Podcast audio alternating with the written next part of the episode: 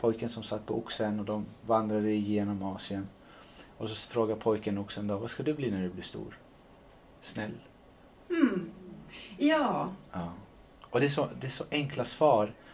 Och egentligen så har vi med oss det för att i alla fall min mamma, när jag skulle gå ut och leka varje dag fick jag höra två saker. Var snäll, ha kul.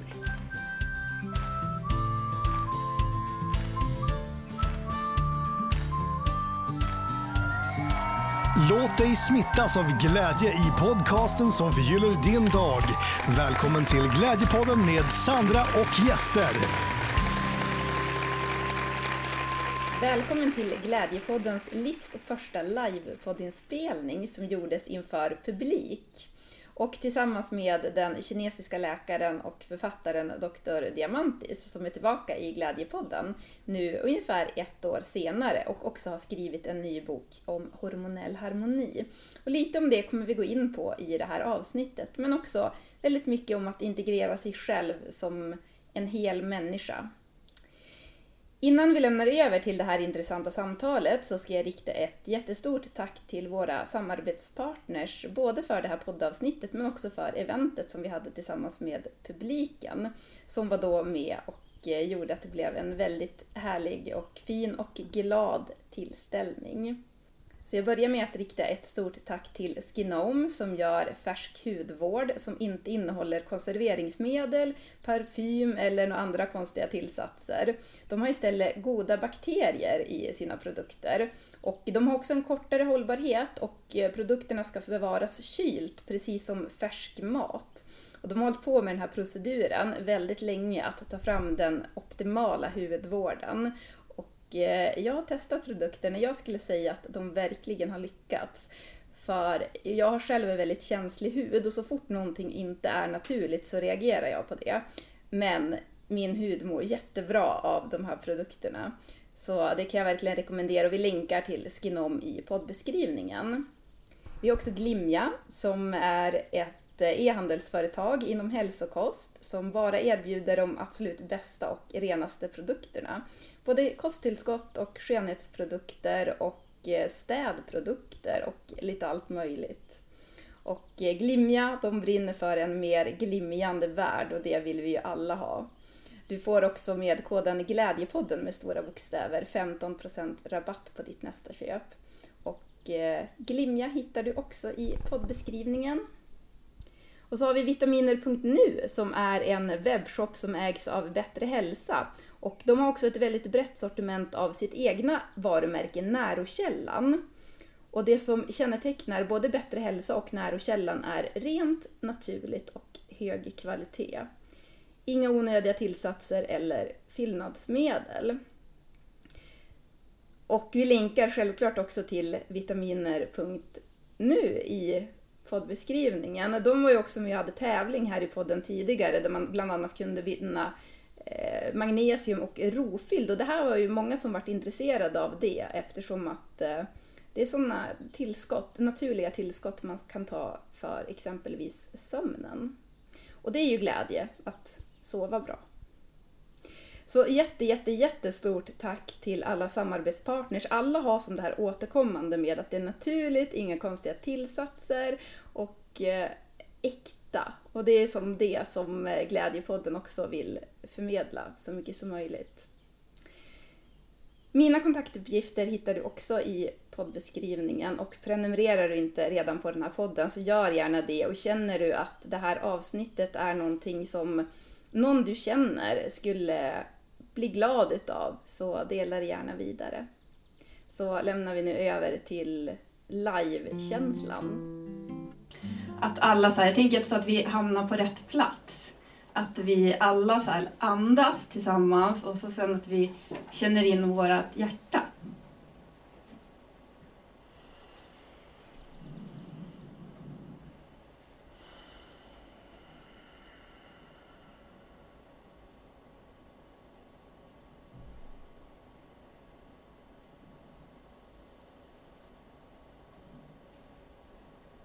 Är alla i hjärtat nu? Härligt, då är vi på rätt plats. Välkommen tillbaka till Glädjepodden Diamantis. Tack så hemskt mycket. Fint att vara här. Ja, jätteroligt att du är här igen. Mm. Vi brukar inleda podden med att kolla läget. Skulle vilja kolla med dig, om du skulle vara en emoji just nu, vilken emoji är du då? En emoji. Eh, jag är ju väldigt mycket för tacksam. Jag är tacksam för allt som kommer min väg i livet. Mm. Och eh, jag är otroligt tacksam för alla de människorna jag träffar och alla de som jag har möjlighet att kunna hjälpa.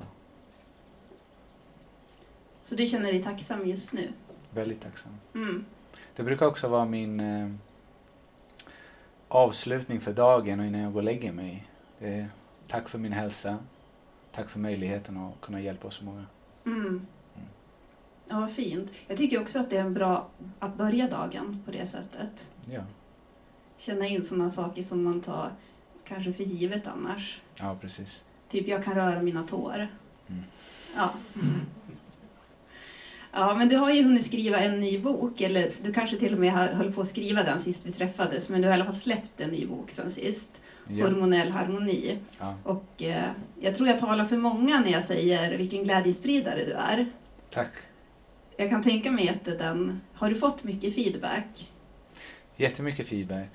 Och, eh, och återigen tillbaka till tacksamheten. att Just att förklara på ett annat perspektiv och integrera dem eh, med olika typer av medicinska läror ger då läsaren en bredare och djupare förståelse för sig själv och för sina symptom. Mm.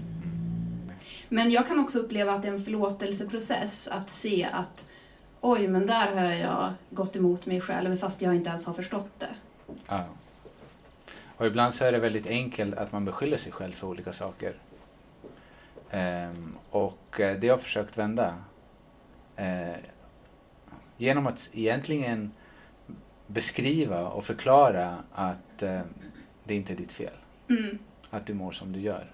Mm. För väldigt ofta är vi just drivna av ett undermedvetet beteendemönster som en gång i tiden utvecklades på grund av vissa sociala omständigheter. Mer som en överlevnadsstrategi som sedan hängt kvar. Mm. Och om inte, ifall man inte har då stannat upp och verkligen gjort en inre resa, eller en esoterisk resa som jag kallade det som i första boken, så är det väldigt eh, stor chans då att man bara fortsätter i det spåret utan att man egentligen vet varför man gör som man gör. Mm. Och utan att intellektuellt kunna bryta mönster för att sedan falla tillbaka till ett mönster som inte tjänar ens hälsa. Och där tycker jag att du på något sätt har förmedlat det på ett sätt som inte jag har kunnat känna tidigare. Så att jag har tagit in det, för jag har varit i min egen utvecklingsprocess väldigt hård mot mig själv. Jag hade önskat att jag hade, att jag hade fötts perfekt och så att jag varit perfekt. Vad nu perfekt är för någonting. Men jag har mer och mer tar jag in det här att jag är som jag är precis just nu. Ifall man tror att det finns en separation, då kommer det alltid vara tufft. Och, och jag brukar säga som det är så här, ifall du förväntar dig att det kommer vara tufft, det kommer vara tufft. Det är, här, är, det, är, är det krig du vill ha, du kommer få krig, motstånd. Så det beror på också utifrån vilken energi. Jag brukar kalla det maskulin och feminin energi. Ifall vi utgår att det här kommer vara tufft, det här kommer vara si och så. Och att du måste bryta någonting och förinta någonting. Och då är det den kampen du kommer få. Mm. Och återigen, och väldigt ofta så har vi lärt oss eh, att det är så saker och ting går till. Så att du ska kämpa dig igenom livet och du måste kämpa dig igenom tentorna och kämpa dig igenom företaget och Mm. klättra och så vidare. Så om vi är på väg någonstans, kollektivt. Exakt. Ja. Ja, men vad menar du om du tror, där du sa med om du tror på separation? Vad menar du med det? Separation då, att du behöver då hitta någonting och åstadkomma och komplettera ett tomrum hos dig. Så, så kommer du egentligen leta hela ditt liv och Mm. kämpa hela ditt liv. Mm. Och, och det kommer de också, 65, 70, 75 och så säger de att jag har jobbat med mig själv senaste 35 åren. Okej, hur går det för dig? Då, då är den fortfarande står och stampar på samma plats. Ja. Och då för att man utgår från just den här manliga eller maskulina energin. Medan den feminina energin, det är en helt annan eh, en helt annan rytm och ett helt annat synsätt på saker och ting. Mm. Det är mer inkluderande, det är mer förstående, det är mer eh, kärleksfullt. Och det är ingenting genom det man ska bli. Det är mer att integrera. Mm. Integrera allt det man befarar är sant. Att jag inte är tillräcklig, kapabel, älskad, önskad. Alla de platserna och de sekundära känslorna som skammen, skulden, rädslan, sorgen. Mm. Men det känns som att det här är ganska nytt. Att det som du säger, att man har sett tidigare, det är just den här kampen och att man hela tiden ska åstadkomma saker. Och att när det är mest det man ser, då är det ju det man tror att man ska eftersträva också. Definitivt. Definitivt. Så, så um, jag försöker då guida tillbaka. Så läkning sker ju på olika plan. Vi har den fysiska läkningen, den emotionella, känslomässiga och sen till och med en djupare och den andliga läkningen. Och där möjligheten för, för barnet att få vara sitt autentiska jag är också möjligheten till att gro djupa rötter.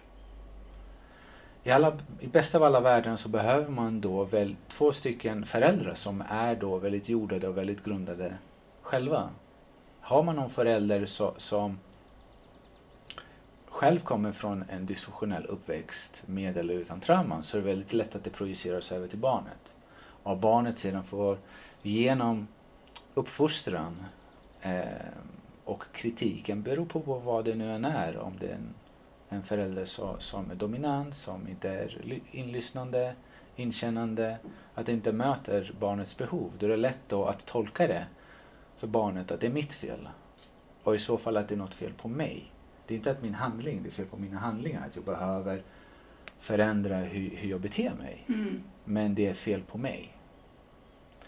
Och det blir då en brytpunkt från att leva med hjärtat som sin kompass till att komma upp till sinnet och egot och ha det som kompass och navigator genom livet. Med bagaget som säger då misstolkningen att jag inte är tillräcklig som jag är. Mm.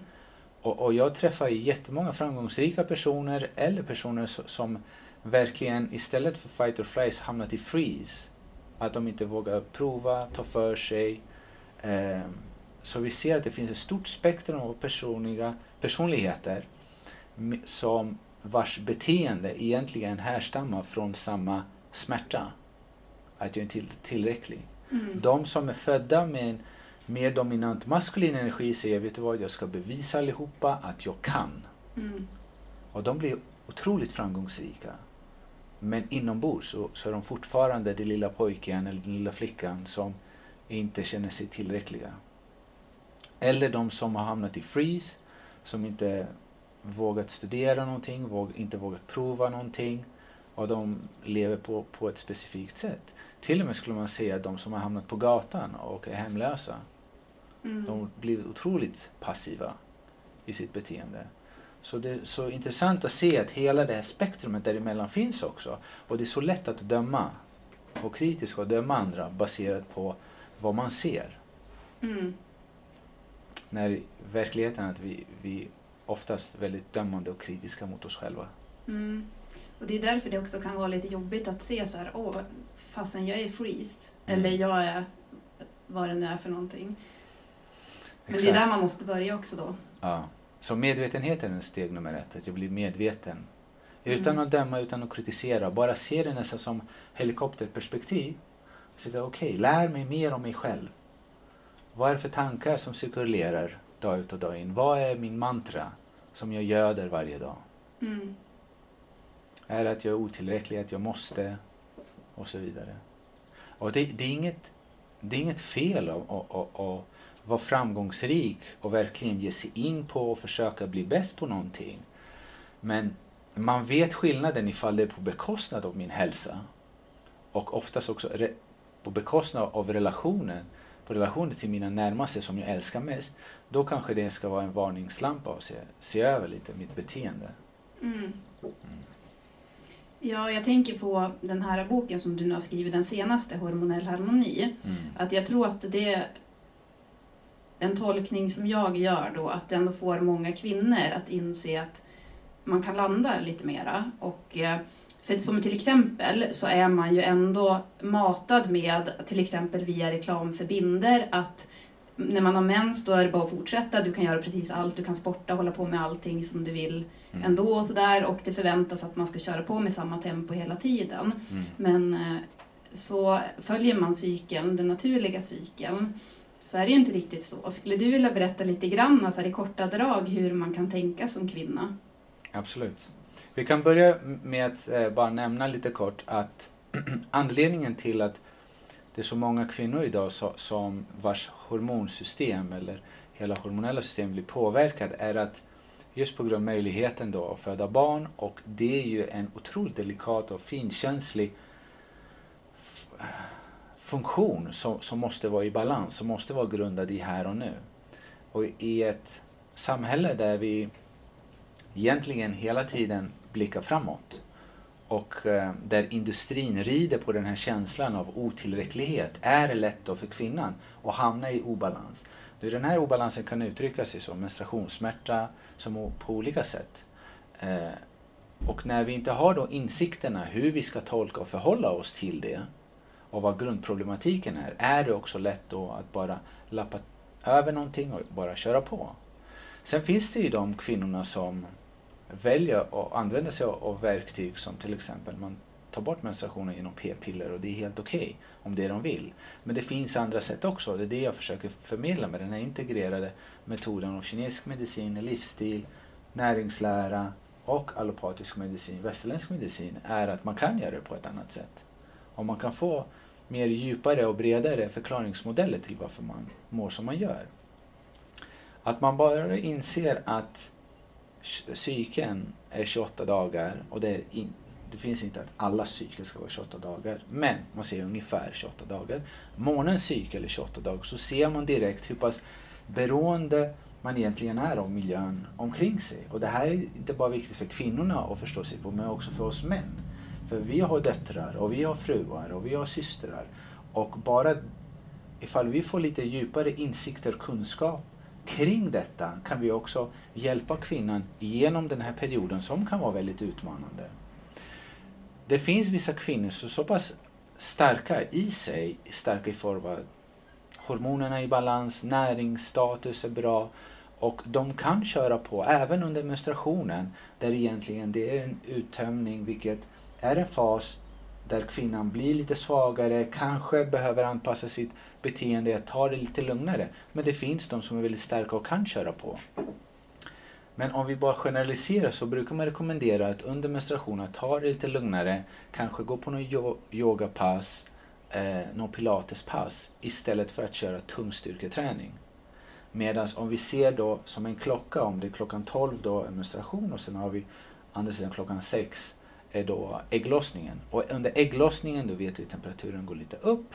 Yang-energin inom kinesisk bild säger att den går upp så därför när maskineriet kommer igång det finns naturligt mer kraft i kroppen och sinnet och då kan man då använda sig av det till sin fördel och träna lite tyngre och eh, pusha sig själv. Mm. Men även yrkesmässigt, man, man har sett då att det här är den perioden du kan vara väldigt kreativ. Du kan gå och ha de här mötena och, och förhandlingsmötena som kan kännas väldigt jobbiga. Det är en bra tid. så Bäst av alla världar om man kan pla- planera in de här mötena. Så gör det när ni har ägglossning. och männen, ifall ni har kvinna som ni ska möta, de ägglossning så då behöver ni backa lite.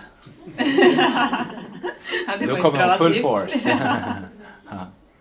Men det, Ja. det är den här generella och då brukar man också säga att lite mer lättsmält mat då under menstruationen Mm. eftersom man behöver sakta bygga upp eh, medan då under, eh, under ägglossningen så kan man kanske det som anses lite tyngre som köttbit och, och så vidare.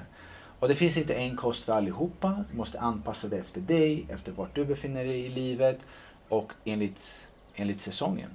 Mm. Generellt sett brukar man säga lite mer animaliskt under vintern, lite mer växtbaserat under sommaren. Mm. Jo, sånt där känner man ju av ganska naturligt också. Ja. Speciellt när man är i Grekland på semester, det är väldigt varmt. Mm. Man vill bara äta någonting lätt, någon sallad. Kan vi inte bara ta någon sallad? Ja, Ja, smoothies och... ja exakt. Ja. Men jag har en väldigt konkret fråga som jag har tänkt på. Ja. Det är då, för då har ju du skrivit så här ja, men ungefär vad man ja, men tips på till exempel vad man kan äta och sådär. Och så har du skrivit och faser så här, dag 1 till dag 14 eller dag 14, alltså sådär. Mm. Och då har jag inte fattat dag 1. Då tänkte jag, är det första mensdagen? Fast den, är det det? Eller? Ja. Det är det? Jaha, okej, det var så enkelt. Ja. ja, men vad härligt. Då, då fick jag det utrett. Ja, fint. Mm. Men också en känsla som jag har fått när jag läst båda dina böcker, det är det här med att det, du hela tiden återkommer till att vara sann mot sig själv. Mm. Vad gör det för oss människor rent hälsomässigt? Vi är i här och nu. Mm. Nervsystemet är i här och nu och inte fight or flight. Så nervsystemet är två faser, det är on eller off. Och det är antingen är vi här och nu eller så är vi fight or flight. Och det är klart, fight or flight har också sitt egna spektrum. Man kan få en panikångestattack eller man kan ha den här underliggande stressen, vardagliga stressen. Men oavsett vad så är det här systemet utvecklat för att överleva praktiskt. Så att det var någon, låt oss säga en björn som började jaga oss. Och då slår det på. Och det är just för att blodet pumpas ut i musklerna, pupillerna vidgas, man går in, hjärnan blir mer analytisk och man försöker hitta någon form av väg ut. Men i dagens samhälle som vi lever i idag så är det inte en praktisk fara som finns, men det är en psykologisk fara. Mm. Så det är den psykologiska faran och vi, bruk, vi brukar kalla det som att den yttre björnen nu har blivit en inre björn. Som inte vi kan springa ifrån. Och när vi då börjar med hjälp av olika då metoder och tekniker som finns där i boken, av andningsövningar, meditation, tacksamhet och så vidare. Då kan vi då kalibrera nervsystemet till att vara här och nu. Och det gör då att mag-tarmsystemet ska fungera som den ska, magsyran produceras, gallan produceras som den ska. Och man ser då direkt att okej, den här IBS-problematiken som jag inte kunde sätta finger på helt plötsligt är mycket bättre. Många upplever då när man åker på semester så helt plötsligt, nej men jag kunde äta hur mycket pasta som helst och bröd i Italien eller i Grekland. Jo, för att kroppen är här och nu och saker och ting kan fungera mycket bättre. Och för vissa så, som har haft utebliven mens, så fort de sätter sig på det planet så säger de varenda gång jag sätter mig på det planet, då kommer mensen. Mera semester till folket. Ja, definitivt. Ja. I alla fall det som semestern bidrar med. Just det här sinnestillståndet. Att tillåta sig själv bara vara. Men Och, det, ja, förlåt. och det jag vill bara komplettera med var just, och det är det, den frågan jag ställer till väldigt många är att vad är det som berövar oss från att vara här och nu? Och för att det är så lätt att, att peka finger och se yttre omständigheter. Mm. Men ingenting kan stressa oss ifall inte stress redan finns inom oss, allihopa. Och det är det som är intressant, det är det som är den esoteriska resan. Att ta reda på vad är kärnan i min inre konflikt? Varför kan inte jag bara tillåta mig själv vara? Hela tiden kritisk och dömande. Och ibland är vi så pass elaka mot oss själva till den grad att skulle jag säga något liknande till någon vän eller till någon annan, det är så här, vår relation skulle försvinna direkt. Mm. Och Ja. ändå dag ut och dag in så ekar de här tankarna om mig själv i mitt sinne. Mm. Och om vi bryter ner det och ser okej, men vad rättfärdigar det här beteendet? Så är det väldigt svårt att hitta ett argument som egentligen skulle rättfärdiga. Säga, ah okej, därför. Nej, det finns inte. Mm. Vet du vad jag älskar? Det är det här med att vara sann mot sig själv. Det låter som en väldigt stor sak. Det kan ju låta som att så här, Åh, men jag har alltid drömt om att bli pilot och så sen så har jag inte gjort det. Eller så där. Men sen så är det som att nu när du pratar om det så är det så otroligt enkelt. Att det handlar ju inte om att, eller det kan ju också vara den här stressen att bara, jag vet inte vad jag ska göra med mitt liv. Att ma- man är kanske uppväxt med att, vad ska du bli när du blir stor? Och så känner man den där hela tiden, man kanske har blivit stor, men då känner man fortfarande, ja men jag vet inte om jag är på rätt plats och sådär. Och så går man och funderar, och det kan ju vara bland, ja, för olika grejer i livet. Mm. Men att bara vara här och nu. Mm. Vi har skyldigheten mot oss själva att vara sann mot oss. Mm. att vara snälla och visa självkärlek. Jag tycker väldigt mycket om... ehm, har ni hört den här berättelsen om pojken och oxen? Pojken som satt på oxen och de vandrade igenom Asien. Och så frågar pojken oxen då, vad ska du bli när du blir stor? Snäll. Mm. Ja. Ja. Och det är, så, det är så enkla svar.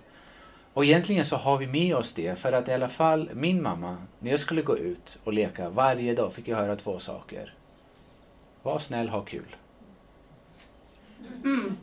Ja, det är, det är allt man behöver veta i livet. Det är inte så här, äh, ja men se till att du blir bäst, klättra högst, spring snabbast, gör bäst ifrån. Nej, var snäll, ha kul. Mm. Och vi måste nästan tillbaka till de här äh, enkla svaren och, och verkligen förstå innebörden av det. Mm. Det är det du förmedlar också. Jag satt och funderade inför det här, så här vad min intention var nu. Ja. Och då kände jag just snällhet, för att varje gång man kan känna det för sig själv, att man känner så här att ja, men jag behöver inte vara något annat än att bara sitta här just nu. Och eh, jag behöver inte ställa rätt frågor, utan det blir som det blir, eller vad det Mm. handlar om. Varje gång man kan komma tillbaka till det, det är en sån otrolig, det, det kanske är den mest glädjefyllda känslan. Jag skulle vilja kavla ut det lite, nyansera det också. Just för vad du pratar om också är för att öpp- vara öppen för det oförutsägbara. Mm. Och det är väldigt viktigt. Så fort vi, vi har så lätt att hamna i kontroll, kontrollera alltihopa. Och det är ofta, vi har kastats in till kontroll i form av en psykologisk överlevnad. Och ofta så brukar, tillbaka till, då, till barndomen och känna av hur miljön är hemma. Så har man då fått sina psykologiska käftsmällar i hemmet på grund av att ja, men pappa hade en dålig dag eller mamman hade en dålig dag och helt plötsligt så väldes deras smärta över på oss på något sätt. De projicerade på oss. När jag bara satt och gjorde min grej. Så helt plötsligt så kastas vi in till kontroll och jag behöver då sträcka ut mina tentakler och känna av miljön, scanna den. Jag behöver bli högkänslig och veta, okej, hur är den andra sinnestillstånd? För att egentligen vara beredd på de känslor jag kanske upplever med en, med en plötslig kritisk kommentar eller oavsett vad den är. Så man måste leva utanför sig själv hela tiden. Precis. Och mycket, mycket av det som kallas för högkänslig är egentligen det. Det kommer från Mm. trauma. Det finns en annan typ av högkänslig också, för det finns två olika och det kommer från hjärtat. Och det är för att hjärtat har sin elektromagnetiska fält som sträcker sig upp till två meter i radie. Och då är det, kommunikation är inte bara visuell och verbal, men det är också att mitt elektromagnetiska fält kommunicerar med ditt Mm. och med alla andras som är omkring. Och det, den, den typen av, av förmåga kan man utveckla när man är mer i sig själv, i sin sanning. Mer jordad, mer grundad. Mm. Det intressanta är att de, gjorde, de försökte räkna ut, okej, vilken, vad är det som gör att vissa människor lever längst? Och det är klart, vi har hört väldigt mycket om blåzoner. Eh, de som inte känner till det, det är vissa ställen på jorden där man lever längst. Och då kollar man på olika parametrar. Okay, kosten var på det sättet och fysisk aktivitet var på det här sättet. Och stressnivåerna. Men så kom de fram till en jätteviktig sak och det är antal positiva interaktioner du har per dag. Så det kan vara så här, ja men vi träffas på vägen ut från byggnaden och säger ja hej, god morgon, hoppas du har en fin dag. Och sen på väg till butiken, ska köpa grönsaker, du säljer apelsiner till mig, tja, är det bra? Ja, kul, fint. Och sen vidare tar jag bussen, frågar, ja, hur är det med barnen? Är det bra? Okej. k- De, de här små sakerna, de gör en avgörande skillnad tydligen. Och eh, jag vill bara påpeka det för att det är egentligen så enkelt. Mm. Men vi behöver, återigen, vi behöver vara i här och nu. Mm. Det är sanningen, att Mm. leva i sanning, att vara här och nu. Ja, och på tal om glädje. Jag brukar skoja med mina patienter. Så jag vet du vad det bästa med, med att vara i, i den här glädjen? Det är att det känns bra. Det är gratis. Vi kan inte överdosera. Det är hälsosamt. Så det var positiva saker. Mm. Det intressanta var, jag läste en, en artikel igår, var om, du får, om jag får en, en kritisk och negativ kommentar till mig så behöver jag få 17 positiva för att neutralisera den ena negativa. Mm. Och det, det är en av anledningarna till, eh, i vilken relation som helst, ifall jag väldigt plötsligt och okänsligt kastar ut en kommentar som du tar det väldigt personligt. att det är den ena kommentar du kommer komma ihåg tio år senare. Mm. Du har inte, du har inte, kommer inte ihåg alla de andra positiva som jag har sagt. Så kommunikation är väldigt viktigt och speciellt nära relationer med de man älskar. Vi kan också säga väldigt jobbiga saker till varandra men det finns bra sätt att göra det och mindre bra sätt att göra det på. Och råkar man då av misstag säga någonting på ett dåligt sätt, då måste man genast direkt då 17 bra grejer direkt. Det bästa av allt, och det här, det här, det här händer mig också, för att jag, även jag är i en lärningsprocess. Och det är så här, ibland kan du kan bli caught off guard och i en reaktion bara säga någonting, titta på ett sätt som egentligen inte har att göra med dig, men det är hur du har blivit lärd och bemött när du Mm. var liten. Det bästa av alla världar är att du catchar dig själv i den stunden och verkligen säger, ah, kolla vad som hände. Jag är hemskt ledsen, kom låt oss ta det om. Det, så här, så här. Vad jag egentligen menar, jag är jätteintresserad att berätta och så vidare. Mm. För det är en lärningsprocess. Och, och eh, jag tror att det är i de här, eh, när vi minst anar det, det, det är i de stunderna eh, som någonting kan kastas ut. Det är där vi måste catcha oss själva och säga okej, för det är otroligt lärorikt. Mm.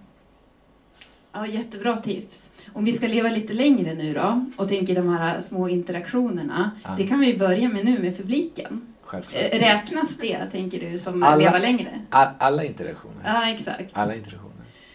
Men då kollar vi läget här då. Är det någon som har någon fråga? Jag passar på nu då innan vi går över till publiken att integrera med dig som lyssnar också för att vi alla ska leva ännu längre. Så ska du också få ta del nu utav veckans glädjeerbjudanden. Och det kommer från Cosmetic Treasures som erbjuder ett brett sortiment av väl, verkligen utvalda produkter. Bland annat tandkrämer som är naturliga och som skyddar och bygger upp emaljen, kan till och med reparera emaljen. Och eh, tandblekande tandkräm som ändå är skonsam. De har också deras deodoranter som är, istället för att bara stryka över svettlukten, så neutraliserar den svettlukten. Och det är också naturliga deodoranter utan aluminium, men också utan bikarbonat. För många andra naturliga ek- eh, ekologiska deodoranter, de innehåller bikarbonat. Men det gör inte den här, för att bikarbonat kan vara lite starkt för huden. Så i poddbeskrivningen, där hittar du en länk till just de här deodoranterna och eh, där får du också 15% rabatt med koden GLAD15, stora bokstäver. Du hittar det i poddbeskrivningen och du får ju naturligtvis eh, 15% rabatt på hela sortimentet från Cosmetic Treasures. Och du får också 15% rabatt på glimja.com som då är ett e-handelsföretag inom hälsokost och som också är våra huvudpartners för just det här avsnittet. Och med koden då Glädjepodden stora bokstäver får du 15% rabatt på glimja.com som finns i poddbeskrivningen. Så tar vi nu och lämnar över till publiken. Om det är någon som, nu återupprepar jag frågan här då så lyssnarna som lyssnar på det här på podden sen också hör. Men om det är någon som är fast i någon deppighet, vad gör man för att hjälpa till? Det är ingen som kan ta upp mig ur brunnen än jag själv. Men det jag behöver det är närhet, närvaro. Eh, och då, det börjar egentligen från barnen. Det vill säga, barnen kommer göra sina misstag. Och de kommer göra dem igen och igen och igen. Och för oss vuxna, i alla fall för mig, det är inte att jag ska försöka förhindra det. För att för varje så kallad misstag så är det ju en fantastisk läxa. Och det är inte hur många gånger min dotter hamnar i den brunnen. Men det har hon hanteringsmekanismerna för att komma ur. Och egentligen genom min närvaro och den kärleken jag visar, det kan vara min syster, det kan vara en patient och så vidare. Det är att jag står här med dig, jag är här med dig. Och det är okej, det är okej att känna så. Men sedan den personen behöver ju också vilja hjälpa sig själv. Det brukar vara så inte ens Gud kan hjälpa en ifall inte jag vill hjälpa mig själv. Mm. Och tyvärr så jag stöter också på de personerna som hamnat väldigt, väldigt djupt och det är det enda de känner till. Ehm, och det är tufft och utmanande. Men trots det så kan vi vara där i vår närvaro och visa kärlek till dem. Mm. Om du svarade på din fråga. Vad tror du om att duscha kallt då? Mot, eh, Jag tror, Duscha kallt mot depression. jag tror att kalldusch som har blivit en sån sak som cirkulerar väldigt mycket är en jättebra biohacking-metod att använda sig av. Men man måste också särskilja med vem. Eh, om vi tänker då det är kyla, kylen är väldigt kraftigt. Så har vi olika personer med olika typer av konstitutioner. Om vi har Mia. Hon är 1,50, hon väger 55, hon är frusen, hon har sköldkörtelbesvär. Så hennes metabolism är långt nere i källaren. Vi kan inte, och hon är deppig. Vi kan inte säga att hon ska kallduscha. Så det måste vara för rätt person, för rätt anledning. För, men är du där och du kan kallduscha, jättebra. Go for it. Och det är den som den, och det, det, det är som den svenska forskaren som sa vad de kommer fram till, de maximala effekterna att du gör totalt under en, en vecka, att det är 11 minuter. Sen kan du dela upp det på olika sätt. Men det är samma sak också med intermittent fasting. Det är fantastiska siffror men det är inte för alla. Vissa behöver det här kontinuerliga intaget av kalorier och energi. Vad jag vill säga med det här är att det finns vad ens, med, vad, vad ens medicin är, den andras poison. Och det är väldigt eh, det är kul att se de här olika trenderna. För de hamnar sen frågorna på mig. Och just kinesisk medicin är otroligt patientcentrerad. Vi skräddarsyr recept, behandlingsmetod och så vidare utifrån dig och dina besvär. Mm. Jag tänker också på det eh, i din hormonell harmoni, att du pratar mycket om det här med när man har mens, att med värme. Så då är det väl också att inte vara kall på något sätt. Precis. Jag berättar också hur det skulle vara det är big no-no för kvinnor i, i Kina och i Asien att under vintern och ha en kjol ska gå ut och festa. Eller dricka någonting kallt eller dricka någonting med is. Eller big no-no är att äta en banan medans mens. För banan i Mhm. energi är väldigt kall. Och det är också så här big no-no. Det var nytt. Mm. Ingen banan. Ingen banan. banan känns inte så kall. Ja. Ja, ja men då vet vi det. Ja, Jag tänker om vi pratar om kyla då, men om vi pratar om motsatsen, värme, så bastu av olika former, vad har du för tankar om det? Precis. ja jag återupprepar Ja. här då. Bastu, vad säger du om det? Bastu återigen är en jättebra biohacking-metod. Ehm, så vad de här sakerna har gemensamt är att det förbrukar energi och hoppet är sedan att generera ännu mera. Så ser kinesisk medicin på det. Och även bastu, vad det gör är att öppna porerna. Kinesisk medicin säger att qi-energin kommer ut ur porerna. För vissa jättebra med bastu. För andra det är så här döden. För vissa har väldigt svårt att reglera temperatur. Eh, så helst så ska man antingen vara för kall, för varm. Men generellt sett, är man frisk och man har inga symptom, absolut. Vilka ska, ska då tänka på att inte basta? Eh, jag skulle säga utmattade personer. Om man, ja, är man inne i utmattning, håller på att gå in i väggen och man säger okej jag ska börja använda mig av biohacking-metoder då, då kan det vara lite klokt att konsultera först och se är det här någonting som passar för mig. Mm. Men eh, för övrigt, och så kommer man in också med IR-bastu nästa som är också fantastisk. Och man ser hur de, fullspektrum speciellt, där det når igenom alla tre olika hudlagen med olika ljusvågorna. Jätte, jättefint. Eh, men återigen, om man redan har några hälsobesvär, man bör veta lite, är det här för mig eller inte? Mm. Generellt sett, ja, använder jag. För alla de här sakerna, alla de här sakerna som man gör, intentionen är att jag tar min hälsa i mina egna händer och jag gör någonting för mig. Så, så det är så mycket viktigare än egentligen vad man gör. För du kommer hitta din metod och ditt sätt på ett eller annat sätt. Men bara att ta ansvar över din hälsa, det är nummer ett. Och det är, jag skulle säga, ge inte över det ansvaret till någon annan. Men ju mer, ju mer du kommer i, in i din inre sanning och i din inre resa, befria dig själva från dina misstolkningar om dig själv och dina stagnerade känslor.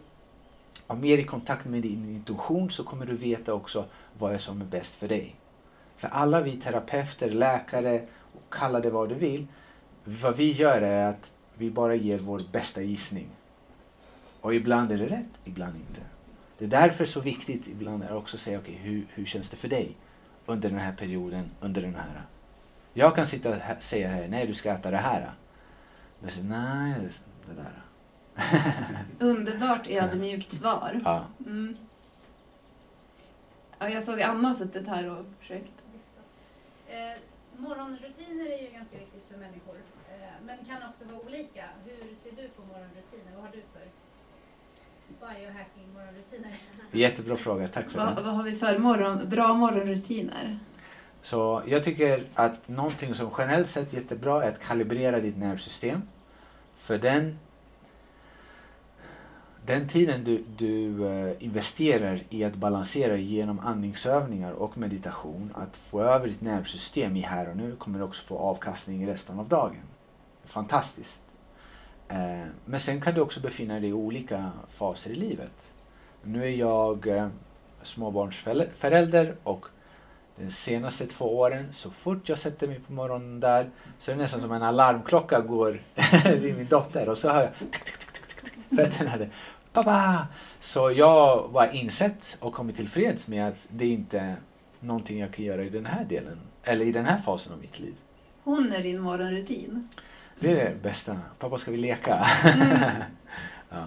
Så, och det ska vara okej. Okay. Finns det en konflikt där så är det väldigt lätt att man blir också självupptagen.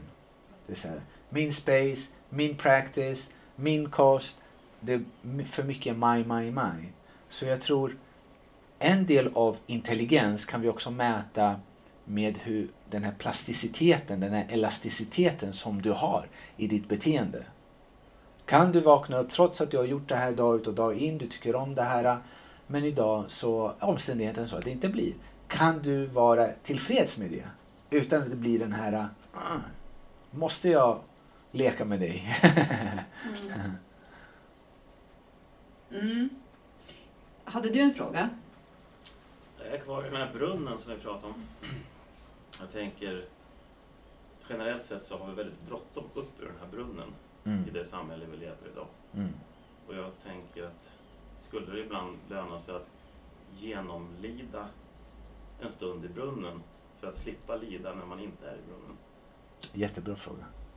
Ja, eh, kan du, vänta. kan det vara bra att vara i brunnen en stund för att sen, vänta vad sa du? Jag tycker vi kanske har lite bråttom upp i brunnen ibland. Ja, Eh, eh, ja, det kan du säga då. vi har bråttom upp ur brunnen. Kan det vara bra att inte ha så bråttom upp ur brunnen? Så. Om man lär sig genomlida smärtan Om man lär sig genomlida smärtan. istället, Mm. eller om man genomlider smärtan så kanske man slipper lida Mm. Mm. Man genomlider smärtan för att slippa lida. Precis, jättebra formulerat och jättebra fråga. För sanningen den är att smärta är avgörande. Hur man än vrider och vänder på det så är eh, the, the wisdom of rock bottom. Det är någonting händer där nere. Och de som har varit där vet att det, det, det är någonting obeskrivligt. Och, och eh, någonting väldigt vackert också ifall man möter det på rätt sätt. Och smärta är nödvändigt i alla avseenden. Om vi går och tränar, vi behöver smärtan för att stimulera. Eh, barnen upplever smärta när de växer. Men vi pratar just nu om psykologisk smärta. Och oftast är smärtan egentligen det verktyget som kommer föra oss till ett högre medvetande. För att vi har inte någon möjlighet att kompromissa med den. Vi kan försöka dämpa den på olika sätt.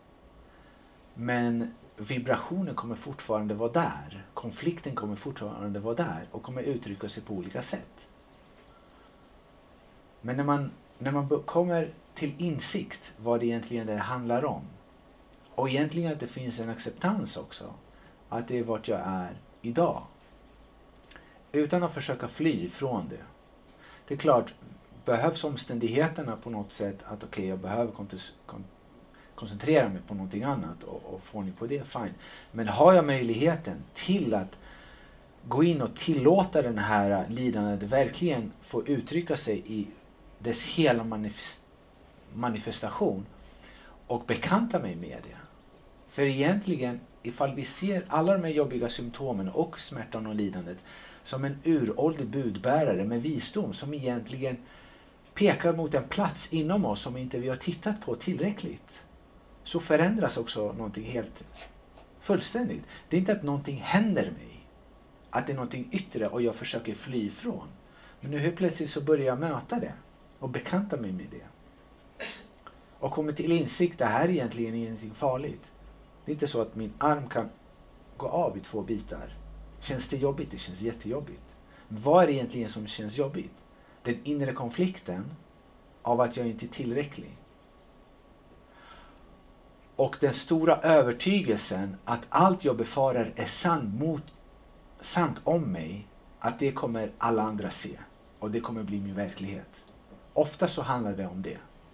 Och oftast försöker vi fly från det för att övertyga oss genom bekräftelse att se, ah, okej han tycker om mig, vilket betyder att han inte ser mig så som jag ser mig. Och så går vi till nästa och nästa. Men ifall vi, vi stannar i den och lär oss andas oss igenom den och verkligen ser, bekanta oss med den och sakta, sakta befria oss själva genom djupare insikter och kunskap om hur min sanna natur och inre natur egentligen är och hur det fungerar. De direkta insikterna är vad egentligen visdom är. Och det är så som du höjer ditt medvetande. Och så som vi höjer vårt högsta så kommer också vårt lägsta delen av medvetandet kommer också. Så vi får en högre lägsta nivå. Vil- vil- Vilket betyder ifall du utsätts för liknande omständigheter du kommer veta vad det innebär, hur du ska hantera det och hur du ska överkomma det. Var det svaret till din fråga? Ja, fint. Var det någon fråga här? Det här är jätte, jag vill bara bekräfta dig Diamantis, det är Ja. jättebra det du säger. Tack. Jag kom på Ja. När man går runt och har sömnbrist ganska mycket varje, varje månad, Ja. eh, kanske så extra viktigt som kvinna då, eh, tänkte jag koppla till kost. Det är extra viktigt att tänka på en viss typ av kost när man går runt och har sömnbrist. Är det något man ska undvika? Är den cyklisk eller är det i samband? Ja, det är, det är jämna perioder det. Vad gör man för sömnbrist är frågan här nu då. Återkommande. Kost är extra viktigt. Ja, är det viktigt att ha en särskild kost om man har sömnbrist? Ja. Eh, Jag, jag vill bara särskilja, är det sömnbrist på grund av omständigheterna att jag inte har tid att sova eller att jag inte kan sova? Att inte ha tid Att jag inte har tid? att sova bättre. Ja, jag förstår. Ehm, ja, det är en väldigt intressant fråga för någonstans där är det också att man inte prioriterar sig själv, sin hälsa och så vidare. Befinner man sig där i den stunden då är det extra viktigt att ta hand om sin hälsa. Kosten, vad man äter, vad man dricker och så vidare. Eh, men mer intressant är just ifall det är återkommande. Det varför utsätter jag mig själv för den situationen?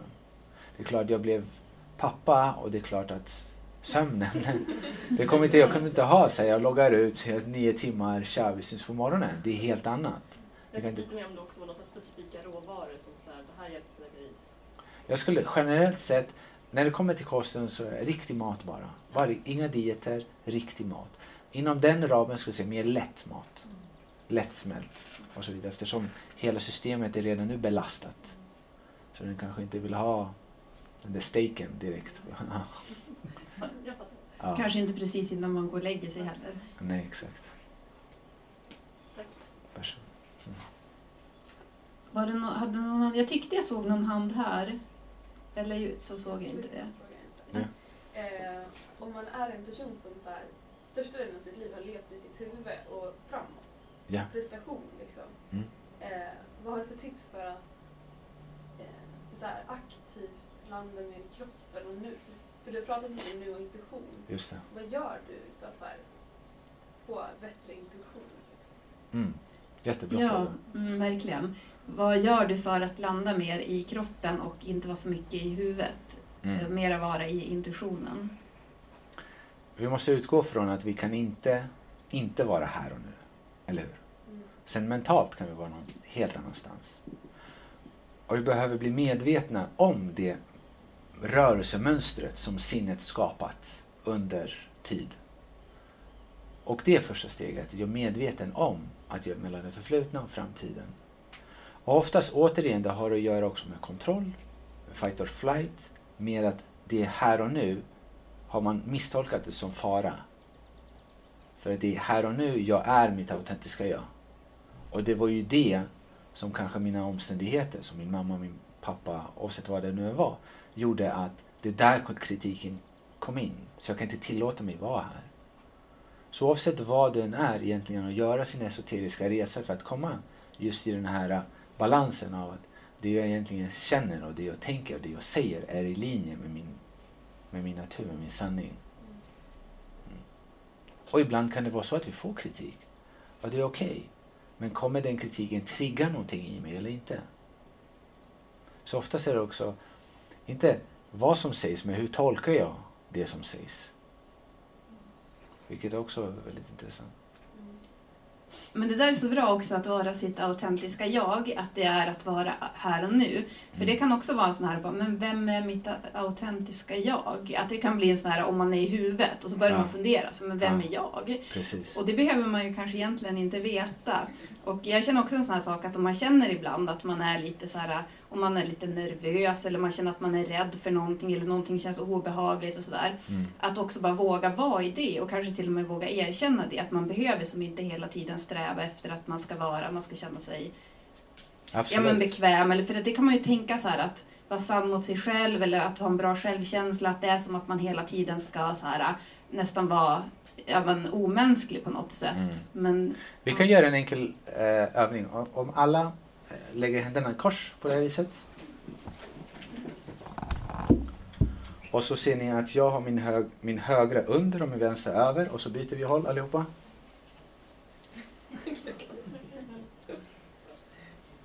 Hur känns det? Konstigt, obekvämt va? Det ni upplever är kognitiv dissonans, heter det. Så kognitiv dissonans betyder att allt avvikande från det vi är vana vid. Och det är klart, det kommer kännas annorlunda i början. Och det kommer, du kommer befinna dig i en annan typ av terräng, en inre mental terräng. Och det är okej. Och egentligen det är, ett, det är ett måste. För det är ju så att vi kan inte fortsätta med samma beteendemönster och förvänta oss ny resultat. Det är egentligen lite definition på, vad säger de, idioti eller vad det är. Vi gör samma sak igen och förväntar oss en annan outcome. Det är som vi äter samma, vi tänker samma, vi beter oss på samma sätt. Men de här symptomen. Och det är okej, du kan komma till mig, jag kan hjälpa dig med det. Men det absolut bästa är att vi tillsammans förstår vad det, vart obalansen är och vad du ska göra för att överkomma det. Sen är du klart välkommen tillbaka och få behandling och så vidare. Men vad jag brukar säga är att jag är glad att man är hos mig men jag vill inte ha er där. Ja. Ingen ska vara beroende av någon annan på det sättet för att det finns ingen frihet i att vara beroende. Ni ska vara fri och fullständigt fri också fri från din egna misstolkning om vem du tror du är. En annan liten övning som vi kan kasta ut som väldigt intressant är att fråga dig själv vad min nästa tanke blir. Då hamnar jag helt plötsligt så här, man stannar som betraktare. Som ser, vad är det som kommer passera mitt sinne? Vad jag brukar göra med mina patienter det är just att guida dem tillbaka och sig. Hur långt bakom i ditt psykologiska jag kan du hamna? Tills man hamnar då som det eviga närvarande medvetandet som observerar. Det som inte kan se sig själv. Så det finns någonting här inne som är medvetet om att det är medvetet. Det är det här en inre esoterisk resa är, bland annat. Och det är en del utav den första boken och jag tror att den är avgörande. För att det handlar inte om vem du är, men åtminstone börja med allt du inte är. Så här, alla våra kavajer och kostymer som vi har på oss. Som vi har blandat ihop att okej, okay, det här tror jag vem jag är. Men vem är det som bär på kostymen? Och det här autentiska jag, det är ingenting jag egentligen kan, kan veta. Det är en känsla jag får av att egentligen det känns bra helt enkelt. Och vi hamnar där när jaget inte är där. Och det kan efterlikna lite också vid djup sömn.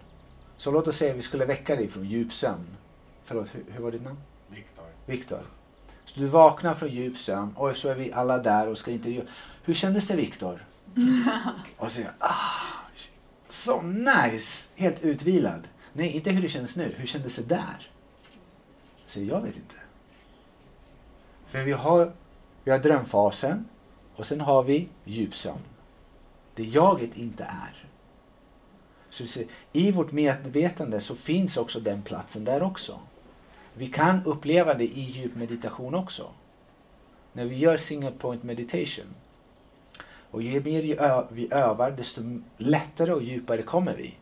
Och till slut så kan vi verkligen tillåta oss själva bara vara där i, den, i det ögonblicket där vi bara stannar som betraktaren. Medvetandet. Det som jag egentligen kan säga att det här är evigt. Det kan jag säga är sant. För min idé vem jag tror jag är, den varierar. Vem jag trodde jag var för fem år sedan är inte jag vem jag är idag. Och inte vem jag kommer vara om fem år. Så vem vi tror vi är förändras med tid och rum. Min fysiska kropp förändras med tid och rum. Eller hur? Men, men vad är det som är evigt då? Säg det igen. Men det är någonting som jag kan med säkerhet säga att det här är konstant. Den här känslan jag finns, jag är. Inte som någonting, men bara stanna där. Jag existerar, jag finns. Mm.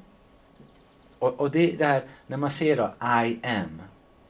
Det är så här, the, the I, the amness, without bara två ögon som observerar, utan en hjärna. Bara två flytande ögon som observerar. Och nu helt plötsligt kan man också navigera mellan det här verkliga djupa epicentrumet av spektrumet av att vara människa. Men också kunna navigera till att jag är Diamantis, jag är basketspelaren, jag är Viktor, jag är affärsmannen. Oavsett vad det, var, vad det är. Men att man inte misstar sig att vara den karaktären uppe på ytan. Men det är okej. Okay. Det är okej okay att vara det ifall det behövs. Det är okej okay att vara i full-blown maskulin energi. Men sen kan du också navigera in till den väldigt sensuella feminin energi. Oavsett om du är kvinna eller man. För vi har dem båda i olika proportion. Så det, så det här djupet och, och spektrumet, det är det här som är den fullständiga upplevelsen av att vara människa. Och det är det som i alla fall i mitt liv har berikat den mer och mer. Mm. Jag hoppas att ni följde med där. Ifall det blev för komplicerat så kan jag bryta ner det. Ifall det blev för komplicerat då kan ni lyssna på det igen på podden ja. om och om igen på så här repeat. Ja. Ja, när det... det är det som jag försöker förmedla också i, i första boken. Och i slutet på andra boken också. Men jag tycker att det är helt avgörande. För det, det händer också någonting där djupt inne, nu pratar vi om tid och rum, men det är egentligen någonting som är konstant hela tiden. Men att verkligen uppleva det existentiellt och inte bara intellektuellt. Okej, okay, vi har en kropp, vi har, en, vi, har, vi har tankar, vi har minnen, vi har känslor. Det är inte någonting vi är, vi är någonting djupare. Okej, okay, vi förstår det intellektuellt. Men att uppleva det existentiellt, det är någonting helt annorlunda. Och förhållningssättet till utmaningar, livet, stressen, det förändras. Det förändras helt. För att när du väl ser så kan du inte inte se längre. Mm.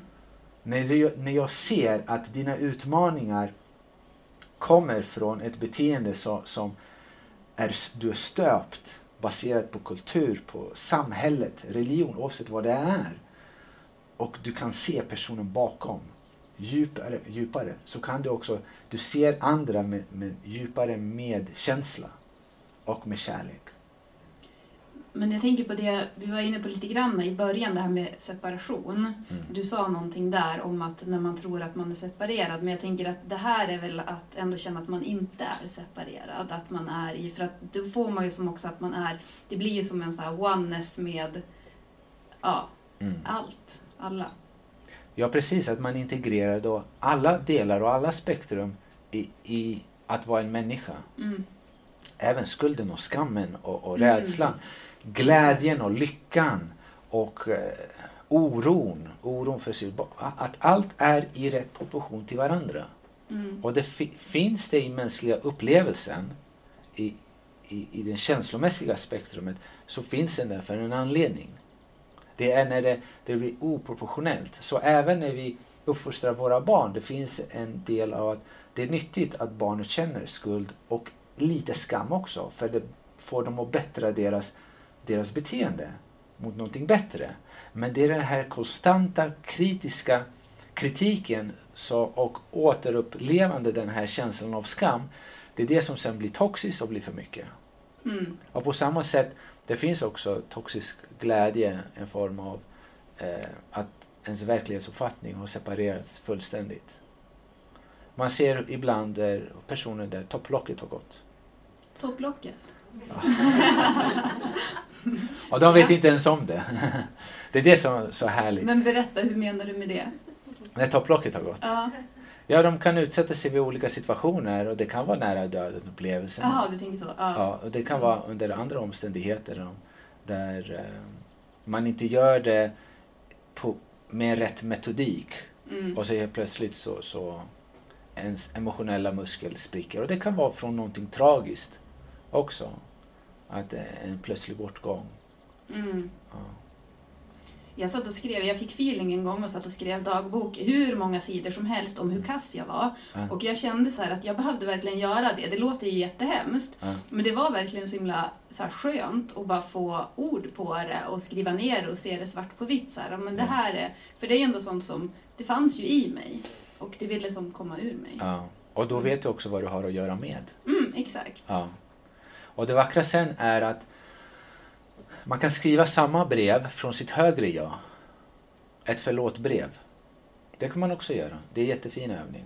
Mm. Men på tal om det här äh, breda spektrumet. Min, jag gick igenom en fas precis när min dotter hade kommit tillbaka. Det är just det här äh, katastroftankar som man kan känna som, som förälder, nybliven förälder. Och, och det är lite, medvetandet vill också förbereda dig på något vis att o- okej, det där finns också i spektrumet i medvetandet och upplevelser. Och det kan vara något otroligt brutalt och hemskt. Och det, jag har pratat med det här om andra, speciellt nyblivna föräldrar. Eh, jag hade nästan fobi för, för knivar. Inte fobi, men jag var väldigt så här, obehagligt med knivar. Så jag lägger undan knivarna, det kan hända någonting. Och det, det finns också med i spektrumet av eh, att vara människa. För att det finns i medvetandet. Mm. Mm. Ja, men det känns så fint. Så här, integrering av sig själv. Det, det är det. Ja. Det är så här, eh, som jag precis sa, att jag, i alla fall jag vill uppleva det mänskliga upplevelsen till dess fullo. I Mm. alla dimensioner. Mm. ja. Ja, vad härligt. Jag är så tacksam att du gör det du gör och att du gör det, att du förmedlar en sån snällhet verkligen. Mm. Så att vi rekommenderar ju alla lyssnare och eh, alla, ja, alla lyssnare live och alla lyssnare icke live eh, om dina böcker och länkar i poddbeskrivningen och även din Instagram Mm. som man kan sitta hur länge som helst och läsa på. Jag tänkte en avslutningsfråga till dig. Ja. Om du ska få ge någonting från ditt hjärta till de som lyssnar. Det kan vara precis vad som helst. Något råd eller en känsla eller...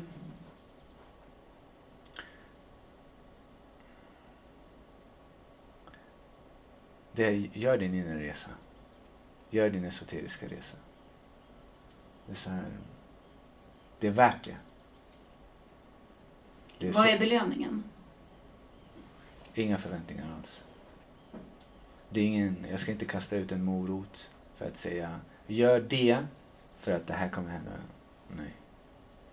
För att oavsett vad som kommer hända och hur, det kommer uttrycka sig hos dig, det, det är unikt. För det är så lätt att berätta, ja men gå den här stigen.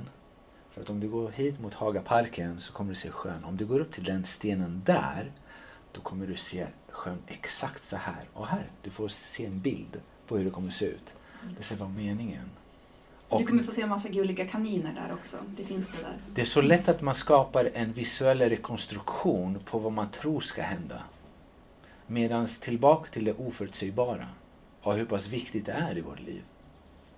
Den bästa, inte det bästa, men jag kom till så otroligt djup eh, tillstånd i min meditation när jag gjorde det för första gången. Jag var 16 år, jag spelade professionell basket i Grekland, jag hade fått ett åttaårskontrakt. Och det blev, kom jätteplötsligt och helt plötsligt hade jag flyttat hemifrån och jag skulle till college och det var jättemycket pengar på spel. Eh, och jag blev deprimerad. Och jag mindes att mamma hade sagt någonting kanske ett halvår innan att det fanns munkar som gjorde någonting som hette meditation. Och det jag eller mindes av det, det var att de bara satt och de var tysta psykologiskt. Och jag gjorde det utan att veta någonting annat. Var absolut inte påläst. Och helt plötsligt så befann jag mig i ett sånt obeskrivligt djup. Där, där jag såg som jag såg konturerna på min kropp som nästan 10-15 meter högt. Eller, så jag blev den här lilla punkten mitt i och såg mig själv och allt utanför. Och det var nästan som en vän kom in och kom ut och jag var medveten om allt som pågick. Vad jag vill säga med det här är, är att det är inte alltid bra att få allting förklarat, vad som kan ske och så vidare. Men det, det är jättenyttigt att uppleva det first hand. Så inga förklaringar vad som kan ske, i men att det är nödvändigt. För att det är så, sånt lidande vi går igenom när vi bär på många trauman som egentligen inte ens är våra. Det är transgenerationstrauman som kommit från våra föräldrar, från krig, från misär, som vi påverkar vårt beteende idag. Och de värsta exemplen av allt just med transgenerationstrauman var, jag läste om ett fall i USA där en, en, en man då, han blev piskad av sin mamma exakt samma sätt så som slavarna, han var afroamerikan, som slavarna piskades då. Och vi pratar om hundratals år sedan. Så uh, transgenerationstrauma definitivt fortsätter från generation till en annan och att vi kollektivt behöver då eh, vakna upp. Mm. Jag, jag gillar ditt svar jättemycket med Mm. att eh, inte ha några förväntningar. Mm. Men, eh, eller att det inte finns någon belöning. Men en sak man kan se det som ändå, det är ju faktiskt att man gör någonting väldigt stort även för andra människor när man går igenom sin egen resa. Inte ens den förväntningen har inte ens den. Nej. Mer, det är det, återigen, vi gör det mest autentiskt och på riktigt när vi är i botten av som mest smärta. Och då tänker jag inte, ah, jag ska göra det i mitt ledande, i det här havet av skam och skuld. Ah, jag ska göra det här så att jag kan inspirera andra. Det vill säga, jag gör det för bara en ren nödvändighet. Jag behöver befria mig från allt det här. Jag kan inte leva så här längre. Mm. Så, så återigen till den brunnen som vi pratade om tidigare. En sån nödvändighet. Mm. Och att återigen så tar ju du tillbaka det hela tiden till att inte leva i prestation. Nej. Mm. Åter, de tankarna finns inte där. Nej. Ja, de finns inte där. Och du, du kan uppleva det autentiskt när du är väl där nere. Eller så kan, eh, så kan du ta tag i det och du kan lära dig på vägens gång att det här är en nödvändighet. Och även inte tala någonting om någon annan, till någon annan. Så här, jag mediterar så, så fort jag kommer ut. Åh, vet du vad jag upplevde? Ah, jag var där och det var så här och så kände jag så där. Och då säger jag, ah, är det sant? Vet du vad jag upplevde igår? Och så ah, wow. Och så kommer du bara, jag ska toppa deras upplevelse. Nej, nej, nej, nej. lyssna på det här, min upplevelse. Och då blir det helt, det blir helt fel. Behåll det för er själva, låt det vara i hjärtat. Låt inte egot hijacka, kidnappa de här otroliga, avgörande, viktiga eh, stunderna i, i ert liv. Så här, låt det bara vara inne i ditt hjärta. Och eh, med sociala medier där allting delas runt. Så här, ta inte ens bild när du ligger, sitter och mediterar. Nada, det, det, det är du. Det är Mm. för dig bara. Mm. Tack. Varsågod. Har du någonting du vill tillägga? Nej, bara tacksamhet. Tack för den möjligheten. Jättefint att vi alla samlades här. Att vi på något sätt alla, vill jag tro i alla fall, vi har intentionen till att skapa ett bättre liv för oss själva och för dem omkring oss. Jag Mm. vill fråga en sista grej. Ja. Jag tänkte på det här, du sa att man inte ska dela med sina djupaste... Vad tycker du om konst? Jag själv jobbar som artist. Ja. Eh, det är väldigt mycket att man ska dela med sig av sina djupaste Mm. känslor. Ja, en jättebra fråga här. Jättebra vad Diamantis tycker om konst på tal om det här med att inte dela med sig av det djupaste. Ja, jag, jag tror att den här konstnärliga ådran som finns hos oss alla är också jätteviktig att utforska. Mina råd brukar vara så här, om du, var, om, om du hamnade i en öde ö och du hade en hydda och en magisk maskin som ploppade ut mat tre gånger per dag och du hade alla dina redskap för att skapa din konst. Hade den sett annorlunda ut idag, eller hade den sett annorlunda ut än vad den gör idag? Så hur pass mycket har förväntningarna influerat ditt skapande? Det Ja. Ja. För det kan också, det kan starta från en väldigt autentisk plats, från hjärtat. Men så fort det kommer upp och så säger hur var ditt namn? Katarina, Katarina och Linnea. Linnea. Hej Linnea! Vad fint! Du borde lägga upp Instagramkonto. Lägg upp! Bara, va? Nej. Jo, gör det! Så, du, så gör du smyg. Ta bild, skapa. Kolla! Du fick 10 000 likes på bara första. Och du bara, oh my god. Egot bara hijackar allt det här. Och gör en businessmodell utav det och så vidare. Och så finns det förväntningar. Du signar upp med gallerior och så vidare. Och det ser vi ibland. Jag tycker om att kolla på de här talent shows som, som finns. Och speciellt de som riktiga verkligen går bra för. Och eh, för någon anledning Filippinerna. Alltså jag har varit i Filippinerna, de är fantastiska att sjunga och man ser de som kommer och de är autentiska. Man ser att det där kommer från hjärtat. Tre år senare, man kan inte känna igen dem. Just för att industrin har bara hijackat dem och det har blivit någonting helt annat. Och det kommer också många hälsobesvär och utmaningar just för att man devierat från sin inre sanning. Jag hoppas att det var ett bra svar. Mm. Ja. Lite ja. Och det är bara du. du vet, vi kan övertyga allihopa och i hela världen. Vet du vad? Nej, det här är autentiskt.